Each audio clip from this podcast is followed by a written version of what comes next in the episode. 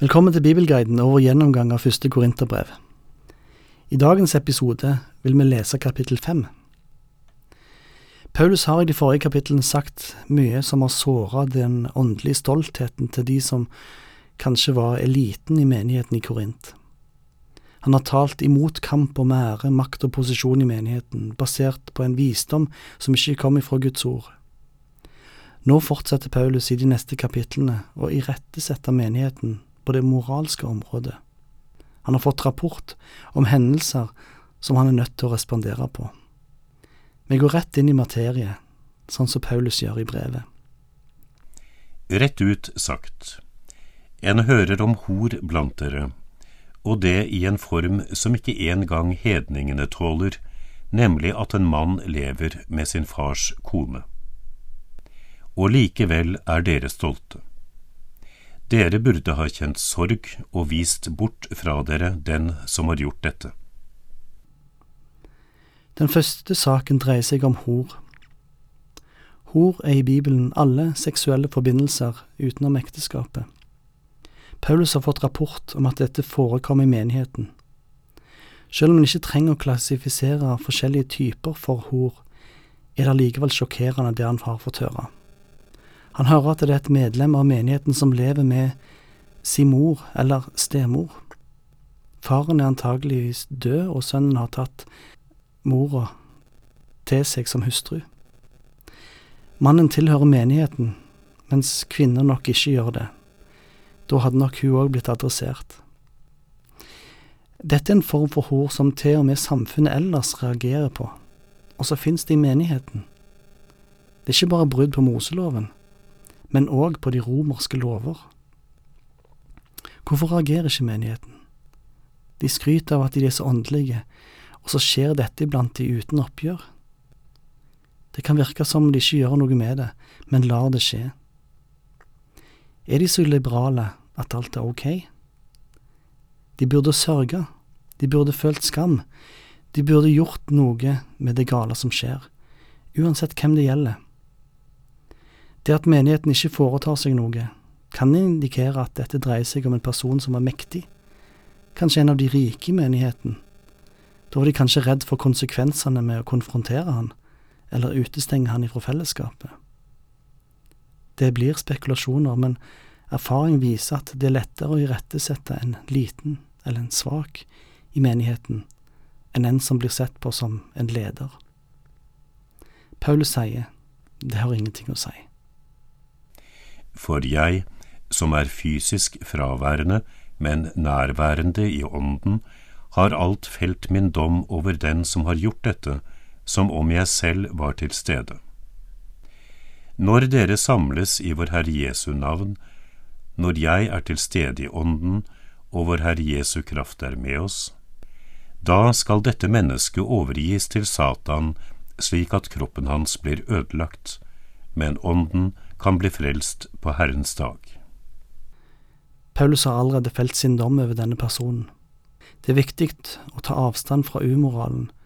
En kan ikke bare lukke øynene til det som skjer, og være redd for hvordan en sånn en sak kan skade ryktet til menigheten osv. Paulus er med i ånden.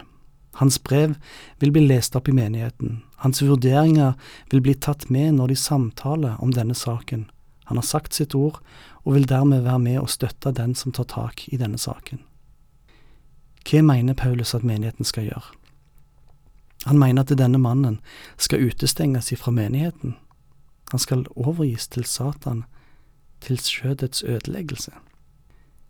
Menigheten skal betrakte han som en ikke-troende igjen. Når han en gang ble kristen, ble han fridd fra denne makten. Når han nå faller fra sin tro, er han igjen bundet av Satans makt, en makt som vil ødelegge ethvert menneske. Å bli utestengt fra fellesskapet vil føre til skam over denne personen. Det vil selvfølgelig føre til reaksjoner òg for menigheten, men det vil òg være et vitnesbyrd. Denne sjokkterapien håper Paulus vil føre til frelse. Den eneste veien tilbake er anger og bønn om tilgivelse. Å forsvare det å leve i synd er ikke et alternativ. Den eneste muligheten er at et sånt drastisk grep kan bringe anger inn i livet til det den gjelder. Å fortsette å leve i synd fører til dom på dommens dag. I kjærlighet til dette medlemmet er det omsorgsfull veiledning å vise han hans stilling overfor Gud. Dere har sannelig ikke mye å være stolte av. Vet dere ikke at litt surdeig gjennomsyrer hele deigen? Rens ut den gamle surdeigen, så dere kan være en ny deig. Dere er jo som usyret brød. For vårt påskelam er slaktet, Kristus. Så la oss holde høytid, ikke med gammel surdeig av ondskap og synd, men med renhetens og sannhetens usyrede brød. Nei, menigheten har ingenting å rose seg over. Det er en forsamling av tilgitte syndere, men de må forsøke å holde synden borte, ellers påvirker det de alle. Paulus bruker et bilde for å illustrere hvor viktig det er å gjøre noe med det onde i menigheten. Han trekker frem illustrasjonen av en surdeig som gjør hele den nye deigen sur. Han kunne brukt bildet på en betennelse. Om ikke kroppen går til angrep på betennelsen, så sprer den seg til hele kroppen.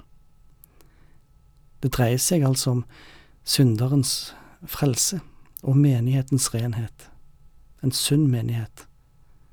Han bruker et annet veldig jødisk bilde om menigheten som det usyrede brød. Til det jødiske påskefesten ble det laga usyra brød. Et land ble slakta, og det ble holdt påske. I dette bildet finner vi både rettferdiggjørelsen og helliggjørelsen. Jesu død på korset, lammet som ble slakta, gjorde at vi ble erklært rettferdige, våre synder ble sona.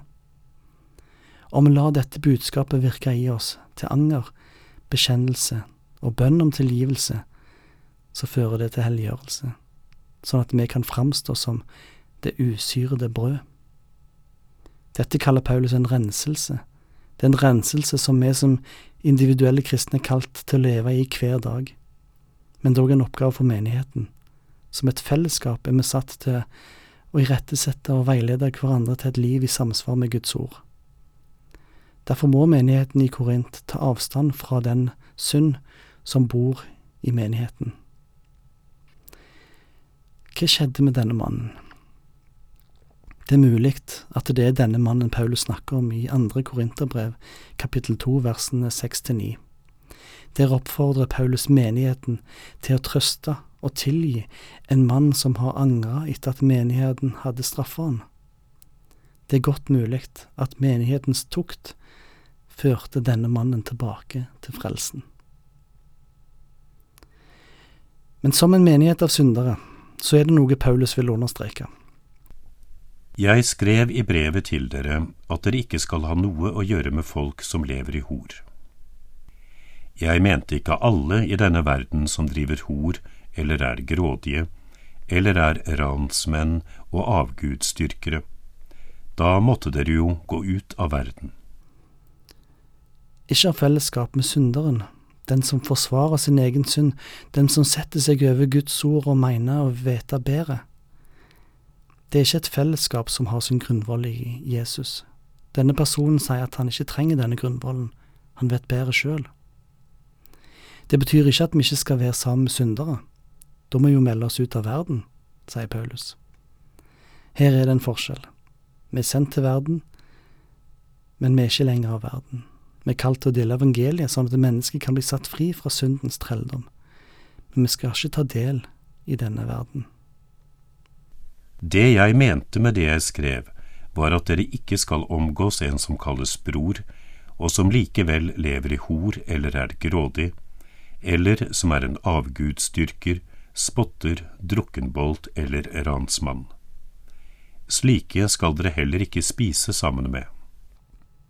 Her beskrives former for hykleri som det kristne fellesskapet ikke skal akseptere i sine fellesskap. Det betyr ikke at fellesskapene vil være fri, fra synd. Og dette er vanskelig. Men hor, grådighet, avgudsdyrkelse, spott, drunkenskap eller vold, det må irettesettes i fellesskapet. Hva har jeg med å dømme dem som står utenfor? er det ikke dem som er innenfor dere skal dømme. Dem som står utenfor skal Gud dømme. Få da den onde bort fra dere.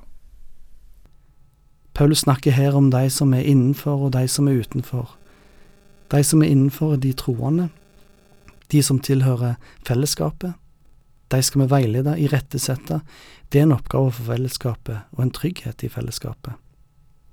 Men de som er utenfor, har valgt seg bort ifra Bibelens autoritet. De velger å ikke lytte til Guds ord. Hva har vi da å komme med? Den dommen vil Gud ta, den har vi ingenting med. Men det som gjelder legemet, det som gjelder det kristne fellesskapet, det er det viktig at det tas et oppgjør med. Det er så lett å kritisere verden, de andre, men det er så vanskelig å snakke om den synd en bror eller søster i troa lever i. Det blir så lett å lukke øynene til det å tenke at det får Gud ta seg av, mens vi kritiserer de andre. Her sier Paulus det motsatte. Vi skal hjelpe hverandre som kristne søsken, og la Gud ta seg av dommen over den verdslige verden. Et fellesskap som Paulus her beskriver, er ikke drevet av makt og paragrafer, men av kjærlig omsorg for hverandre, der det er åpenhet om livet og de utfordringene en lever med, og med tanke på synd og det åndelige liv. Det beskriver et fellesskap som kjemper mot synden, nettopp som et fellesskap.